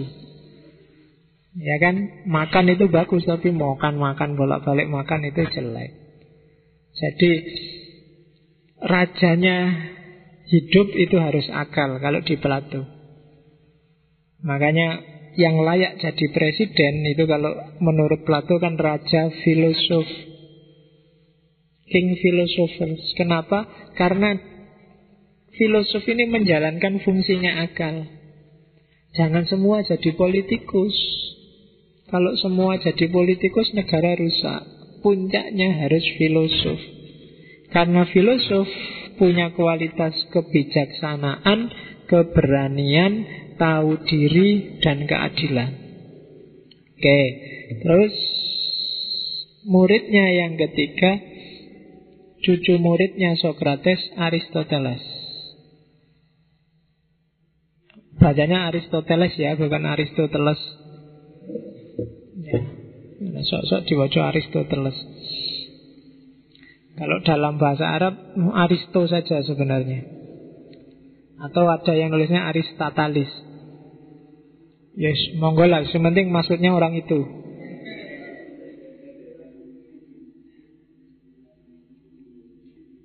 Ya, kadang-kadang kan kita membaca namanya susah. Enggak usah khawatir. Orang Barat baca nama kita juga susah. Oke. Okay. Paijo mungkin mereka bacanya Peijo. Oh, jadi jadi gaya tuh. Padahal Jo itu kalau di sini untuk besok kalau di sana Jo itu kelihatan gaya. Jadi orang sana juga puyeng baca nama kita. Oke. Apa mau? Lali. Aristoteles. Jadi meneruskan gurunya. Kuncinya kebahagiaan ada di akal. Dan akal akan melahirkan dua hal. Teoria dan praksis. Teoria itu tentang teori, refleksi, kontemplasi, dan kegiatan akal paling mulia itu teori ya. Yang kedua, praksis. Praksis ini menerjemahkan hasil kontemplasi dalam kehidupan nyata itu praksis. Kalau praksis berarti sudah ada orang lain dalam dunia sosial. Nanti yang tentang praksis ini nanti silakan dibaca. Nikomakea Etika Nikomak Nikomakea itu nama anaknya sekaligus nama ayahnya Aristoteles. Bapaknya namanya Nikomakus Anaknya juga dikasih nama Nikomakus. Mungkin karena males nyari nama yang bagus Pokoknya jenengi bapaknya nanti. Anaknya Nikomakus namanya Aristoteles Anaknya Aristoteles kedua namanya Nikomakus lagi. Kan kayak orang barat kan gitu. Ada Tyson Junior, Tyson 2, nanti ada Tyson 3 kan gitu. Kamu besok bisa gitu kalau namamu Abdul ya Abdul 1, nah nanti Abdul 2 gitu aja. Nggak usah mikir nama, jadi ada ada urutannya. Kan di sejarah Islam kan kita itu Muawiyah 1, Muawiyah 2. Nanti ada Yazid 1, Yazid 2. Oke, jadi Katanya Aristoteles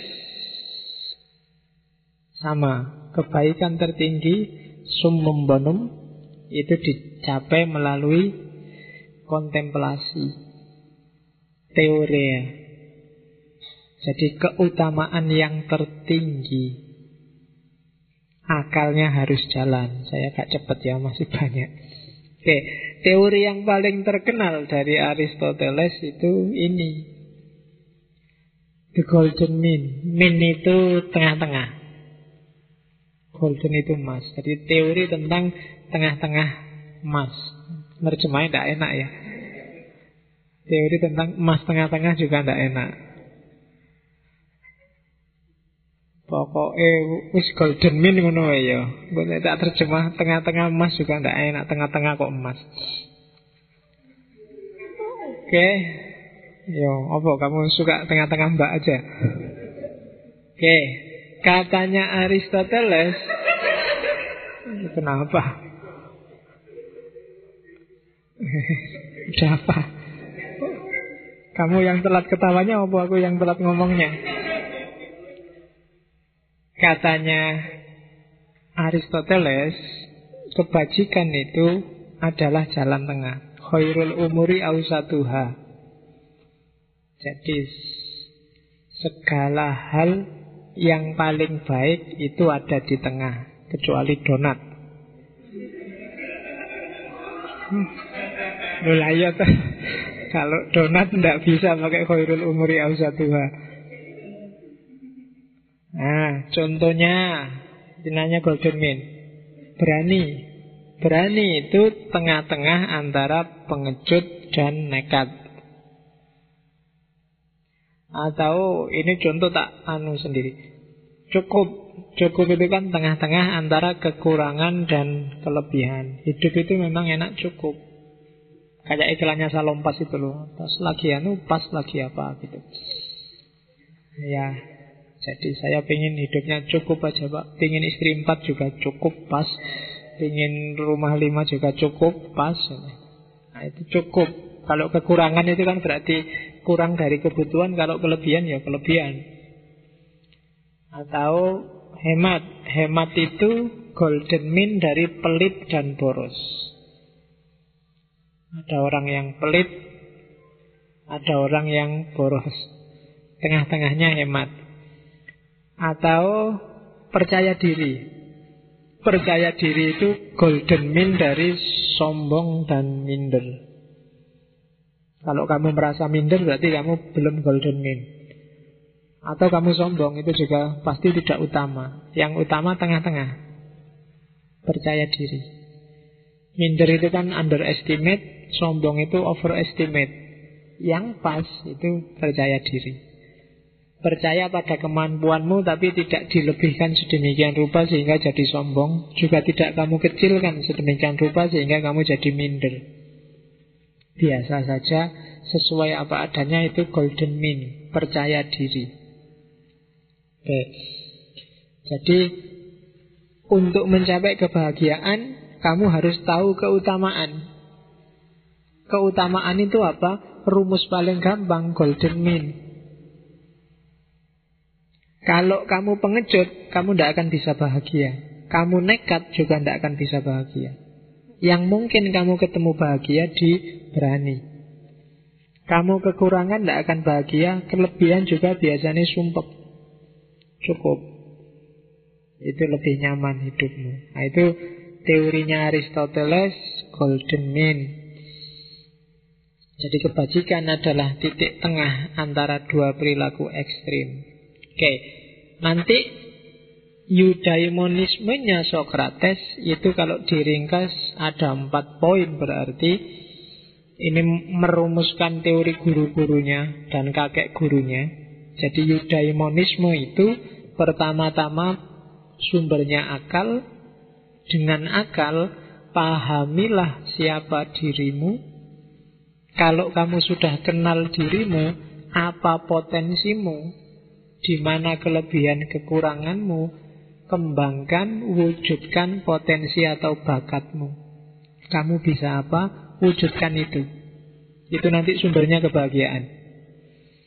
Terus ambil manfaat dari pemenuhan bakat tadi. Mungkin kamu pinter nulis, ya nulislah. Ambil manfaat dari nulis. Syukur-syukur manfaatnya nggak cuma buat kamu, tapi juga buat orang lain. Dan yang terakhir, hiduplah secara moderat. Dengan pola ini, kamu akan bahagia. Kenapa Pak kok tidak mengenali diri? Ya kalau kamu tidak kenal dirimu sendiri, kamu juga tidak ngerti apa yang bikin kamu bahagia, apa yang bikin kamu nyaman. Kenapa harus kenal potensi Pak? Ya kamu bahagia itu kan karena memenuhi apa yang ada dalam dirimu, bakatmu. Yang bakatnya seni, kamu mengekspresikan seni itu kan kebahagiaan. Yang bakatnya karate, kamu ikut karate, kebahagiaan. Yang bakatnya teknik kok kuliah tafsir, itu kan sumpah kamu. Gimana caranya? Bakatnya teknik malah kuliah tafsir. Tidak terpenuhi, tidak akan bahagia. Jadi Penuhi, wujudkan potensimu, bakatmu Dari situ kamu akan dapat manfaat Syukur-syukur manfaatnya nggak cuma untuk dirimu Tapi juga untuk orang lain Dan yang terakhir Sesukses apa pun kamu Atau segagal apa pun kamu Hiduplah secara moderat Itu teori eudaimonisme Dengan ini kamu akan bahagia Jadi yang tadi ada hidup gaya hedonis mencapai kebahagiaan, ini hidup gaya eudaimonis. Aristoteles dan kawan-kawan. Terus yang terakhir, eudaimonisme ini agak sufi, tokohnya namanya Zeno dari tradisi Helenisme. Eranya era Helenistik, mirip kayak Epikuros tadi. Alirannya namanya aliran Stoik, Stoa. Ya. Cara berpikirnya simple. Kalau pakai bahasa Islam, Zino itu cara berpikirnya agak jabariyah. Fatalistik. Katanya Zeno, kuncinya bahagia itu menguasai diri, disiplin diri. Kita lihat ya rumus-rumusnya dari Zeno untuk bahagia. Yang pertama, Manusia itu tidak bisa ngontrol hidupnya. Tapi bisa ngontrol perilakunya.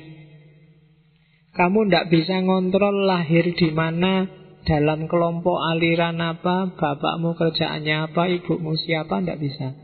Kamu tidak bisa ngontrol rambutmu milih yang keriting apa yang lurus saja. Kamu dulu nggak milih punya kulit kok tiba-tiba peweteng hitam kayak gitu. Kamu tidak milih juga, kamu tidak milih juga. Tidak banyak hal, 99,9% persen kamu tidak milih dulu hidup itu. Tiba-tiba saja, ujuk-ujuk. Bahasanya orang eksistensialis, faktisitas. Jadi kamu tidak bisa berdaya. Deus kadung koyok ini piye meneh. Yang bisa kamu kuasai bukan hidupmu tapi perilakumu. Kalau perilaku kamu bisa. Dengan bekal yang kamu punya, kamu mau melakukan apa itu bisa. Dan kita nggak bisa mengubah apa yang akan terjadi. Saya bilang tadi dia agak jabariah, fatalistik. Oleh karena itu katanya Zinu, kuncinya kebahagiaan adalah kalau kita tidak terpengaruh baik oleh nasib enak ataupun nasib tidak enak. Semakin kita mudah terpengaruh, semakin kita tidak akan bahagia. Justru kebahagiaan itu kalau kita standar, kita flat aja, kita tidak gampang dipengaruhi dengan pergantian nasib kita, roda di atas atau roda di bawah, ya biasa saja. Kalau kita bisa kayak gini kita akan bahagia Tapi selama kita masih mudah dipengaruhi Masih banyak keinginan-keinginan Kita tidak akan bisa bahagia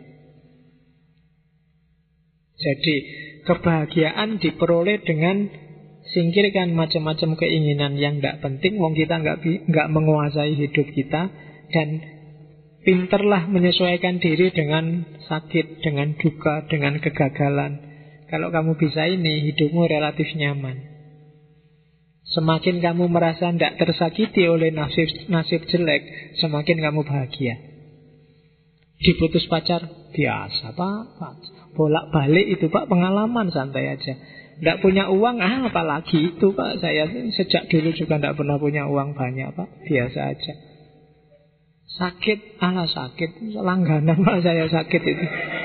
Tidak masalah. Pokoknya tidak ada yang bikin dia sumpah. Semakin kamu bisa kayak gini katanya Zino, semakin kamu akan mudah untuk bahagia. Tapi semakin kamu banyak nuntut, banyak keinginan, semakin kamu akan sumpah. Bikinlah dirimu kebal terhadap rasa sakit, rasa sumpek, rasa galau. Jadi bukan menyingkirkan sakitnya, tapi kamunya sendiri nggak terpengaruh. Nah itu kuncinya kebahagiaan, katanya Sinu. Jadi kalau sudah sakit ya gimana lagi Kalau sudah sumpek ya gimana lagi Oh sudah diputus ya gimana lagi Tidak punya uang ya sudah Oh nggak punya ya gimana lagi kalau ada yang utang, nggak boleh utang yang apa ya? Nggak boleh utang ngapain kamu? Ya pulang, ya makan seadanya ya. Nih. Pokoknya nggak sumpek. Jadi kuncinya hidup katanya Zeno di situ. Kalau tidak bisa kayak gini, mbok apa pun caramu, kamu akan tetap gampang susah. Tapi begitu kesusahan itu tidak bisa menyakitimu, kegagalan tidak bisa menyakitimu, kesumpekan tidak bisa menyakitimu, kamu akan bahagia. Tesis nggak jadi-jadi, skripsi nggak jadi-jadi, biasa pak. Wong ya lulus juga ke susu-susu mau apa pak, sama-sama sumpeknya, tenang aja lah pak, jalan aja sebisanya pak, enak, kamu akan bahagia. Nah, itu gayanya Zeno. Oke, kebalikannya Zeno itu Nietzsche. Tak kasih tahu sedikit. Sebenarnya panjang ya. Tapi kuncinya kalau Nietzsche justru bahagia itu you penuhi hasratmu, penuhi keinginanmu, fight, bertarunglah. Nah, kalau Zeno pasrahlah, nikmatilah. Tapi kalau Nietzsche enggak. Kebahagiaan itu ketika keinginanmu terpenuhi itu baru bahagia. Dan nggak usah gaya menyingkirkan keinginan. Nggak mungkin manusia itu nggak punya keinginan. Kalau kamu pak, saya mau buang semua keinginan. Katanya, ya itu keinginanmu. Buang keinginan. Tidak mungkin orang tidak punya keinginan. Jadi biar aja hidupmu selalu dalam tegangan, selalu dalam konflik, dalam dialektika antara memenuhi keinginanmu dan kekuatanmu biar aja. Karena dari situ hidupmu berkembang. Dari situ kita ketemu kebahagiaan tadi jangka panjang. Jadi dari situ kamu ketemu bahagia. Bahagia yang sejati itu kamu pingin apa dan terpenuhi kan itu. Kamu pingin kaya dan kaya beneran itu kan bahagia.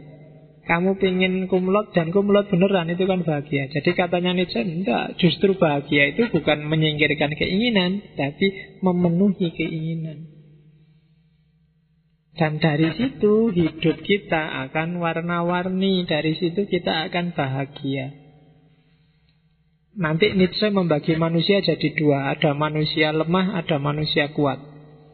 Manusia lemah itu manusia yang hidupnya pingin tenang terus, pingin harmonis terus. Itu bagi Nietzsche manusia lemah. Tidak berani konflik, tidak berani sumpek. Manusia kuat, manusia yang berani konflik, berani menerima tantangan, berani milih keinginan dan mewujudkannya. Dia manusia yang kuat. Jadi tidak orang yang melarikan diri dari hidup pasrah Tapi orang yang berani tanding Berani fight. Dari situ kamu akan menemukan kebahagiaan eksistensial. Bahagia jadi dirimu sendiri. Nah itu Nietzsche. Kebalikannya Zeno tadi.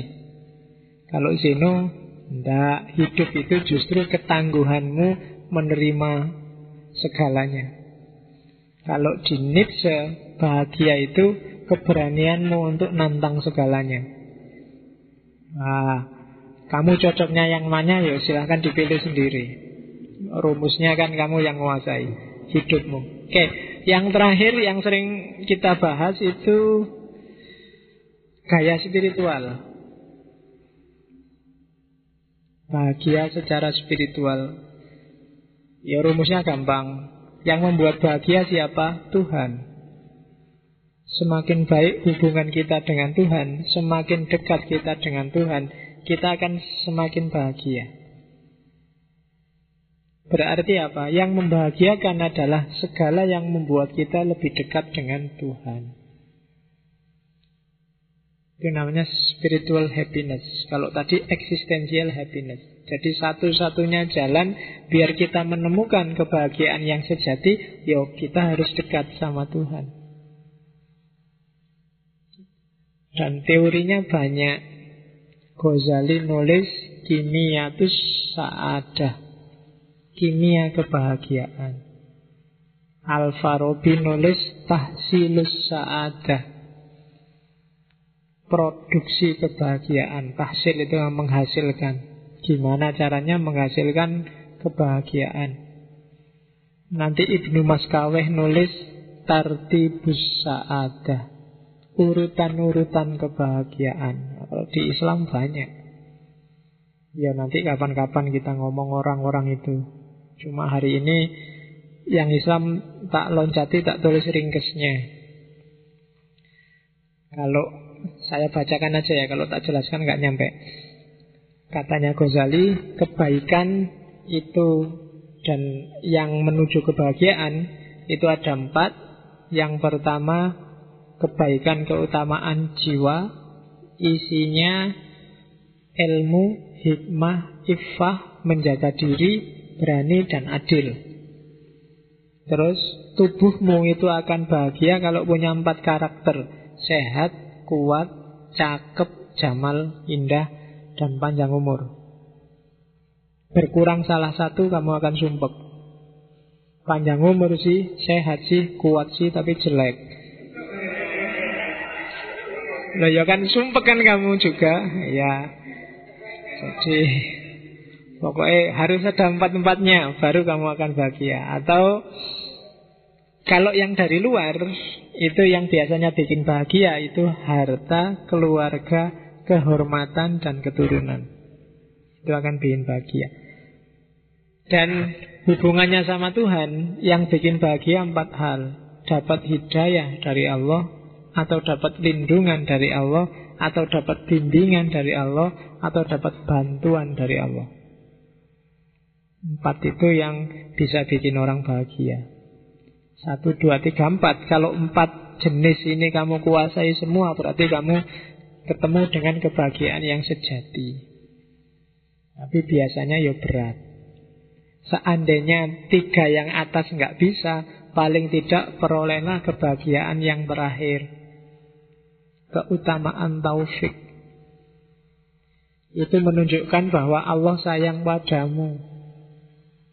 Kamu masih dikasih hidayah, dikasih lindungan, dikasih bimbingan, dan dikasih bantuan. Yang tiga yang atas, monggo.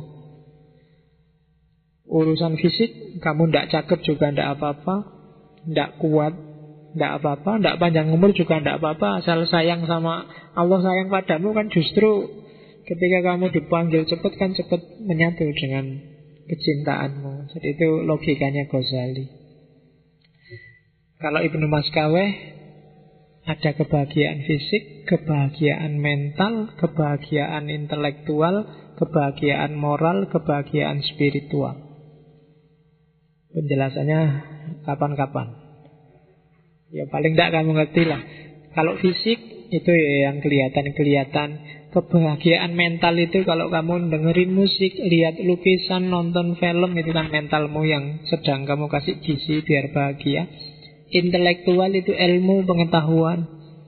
Semakin banyak ilmu, semakin banyak pengetahuan, hidupmu akan semakin bahagia. Moral itu kesalehan, perbuatan baik. Semakin perbuatanmu soleh, biasanya hidupmu semakin bahagia. Spiritual itu hubungan sama Allah, hubungan sama Tuhan. Yang ini kebahagiaannya lebih abadi. Karena ada yang banyak, Pak, Sholat itu kan mencegah fahsya dan mungkar. Kalau saya sudah bisa mencegah fahsya dan mungkar, apa masih butuh sholat? Masih. Kenapa? Kamu kan ingin bahagia secara spiritual. Dan kebahagiaan spiritual itu antara lain kamu peroleh lewat sholat. Entah itu bisa melahirkan tanda anil fasa wal mungkar atau enggak. Dan kalau sholatmu benar, tanda anil fasa wal mungkar itu bonusnya. Oke. Okay. Tapi next time kita bahas yang Ibnu Miskaweh ini. Kitabnya judulnya Tartibus Sa'adah. Kalau teori umum kebahagiaan kontemporer biasanya pakai empat level ini. Jadi ada kebahagiaan yang seketika, ada kebahagiaan short term, ada yang long term. Ini bukan nginep di hotel ya, ada yang short term, long term. Ada yang enduring. Kamu yang pengalaman kok ketawa. Yang diam apa lagi? Batin. Oke. Jadi yang immediate itu yang pleasure tadi, seneng tadi. Dahaga minum, itu kan seneng. Lapar makan itu immediate langsung, tapi yo nikmatnya juga langsung. Kalau sudah nggak makan, ya nikmatnya makan hilang. Ada yang short term. Short term itu achievement, pencapaian. Pencapaian-pencapaian tertentu. Misalnya, wah saya bisa teori ini. Wah saya bisa IP 4. Wah itu kan achievement. Itu lumayan lebih panjang. Di atas itu ada long term. Tidak sekedar pencapaianmu, tapi sumbanganmu apa pada orang lain, pada masyarakat. Itu lebih panjang lagi. Tidak sekedar kamu bisa nulis buku, tapi bukumu ternyata dibaca banyak orang dan bermanfaat. Itu lebih long term. Dan yang puncak, ultimate good.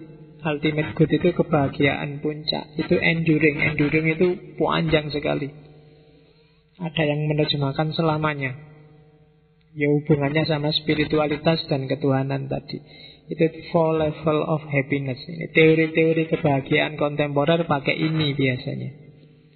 Terserah kamu mau milih bahagia yang immediate atau short term atau long term atau yang enduring. Tergantung keuanganmu. Ya pilihanmu sendiri. Oke. Ada beberapa menurut saya bagus tak banyak sekali ayat-ayat kebahagiaan itu tak ambil yang aneh-aneh. Ada kalimatnya Yosef Edison menurut saya bagus. Tiga hal yang sangat penting kalau kamu ingin bahagia adalah ada sesuatu untuk dikerjakan, ada seseorang untuk dikasihi, dan ada sesuatu untuk diharapkan. Kalau kamu punya tiga ini kamu akan bahagia. Sesuatu untuk dikerjakan banyak pak. PR saya banyak yang belum selesai. Yang diharapkan dicita-citakan apalagi pak. Cuma yang dikasih tidak ada pak. Belum berarti bahag Bahagianya belum lengkap okay. Helen Keller. Helen Keller ini Amerika sastrawan.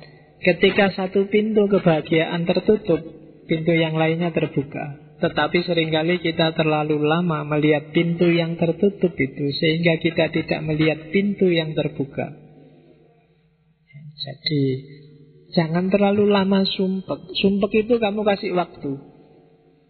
Sumpek, oke tak kasih waktu dua hari ya Awas besok hari ketiga jangan sumpek lagi loh Kita mikir yang lain deh Tidak apa-apa daripada kamu bawa terus tiap hari Mending kamu kasih Bolehlah sumpek nih jangan lama-lama lah Di, di deadline aja Kenapa? Jangan-jangan ada pintu yang terbuka dan kamu asik dengan sumpukmu, kamu lupa ada pintu yang terbuka.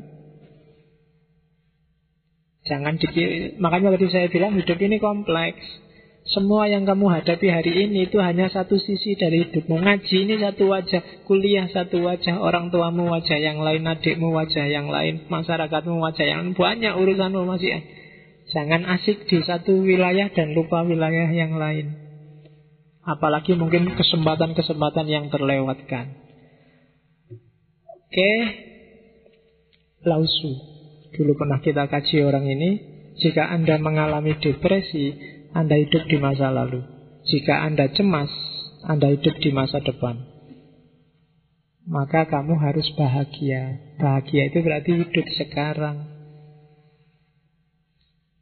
Pak, besok kalau habis lulus S2 ngapain ya Pak? Itu cemas, berarti kamu hidup di masa depan. Ya kan? Oh, ya, jadi wis ndak usah dipikir wong sekarang tugas makalah aja belum selesai. Jadi mikir yang sekarang biar kamu bahagia. Jadi dan juga jangan hidup di masa lalu ingat wah dulu ya enaknya ndak usah. Jadi hidup di masa kini. Marcel Pagnol, ini orang Perancis. Alasan mengapa orang sulit menjadi bahagia, itu dia menyebut ada tiga. Yang pertama, mereka selalu melihat masa lalu lebih baik daripada yang sebenarnya. Masa kini selalu dilihat lebih buruk daripada yang seharusnya. Dan masa depan dianggap tidak ada harapan. Itu biasanya orang sulit bahagia. Kamu hidup di mas, kamu anggap masa lalu selalu lebih baik. Kemarin waktu ada Pak Harto, Pak Harto kamu demo-demo kamu turunkan. Begitu Pak Harto jadi masa lalu, iya le, enak zamanku toh. Ya kan? Kamu anggap masa lalu selalu dan masa sekarang kamu anggap selalu lebih buruk. Habis Pak Harto ada SBY, SBY waktu SBY kamu caci maki habis-habisan. Begitu SBY lewat, wah itu mending SBY dulu apa Jokowi sekarang itu. Jokowi sekarang lebih buruk. Dan karena sekarang lebih buruk, masa depan kamu anggap gelap. Gimana Indonesia besok ini di tangannya Jokowi? Gimana kan selalu begitu? Dan itu pasti kamu tidak akan bahagia. Kebahagiaanmu kamu taruh di masa lalu terus. Itu Pak Nyok. Bahagia bukan berarti kehidupan ini sempurna, tapi bahagia berarti Anda memutuskan untuk memandang melampaui ketidaksempurnaan.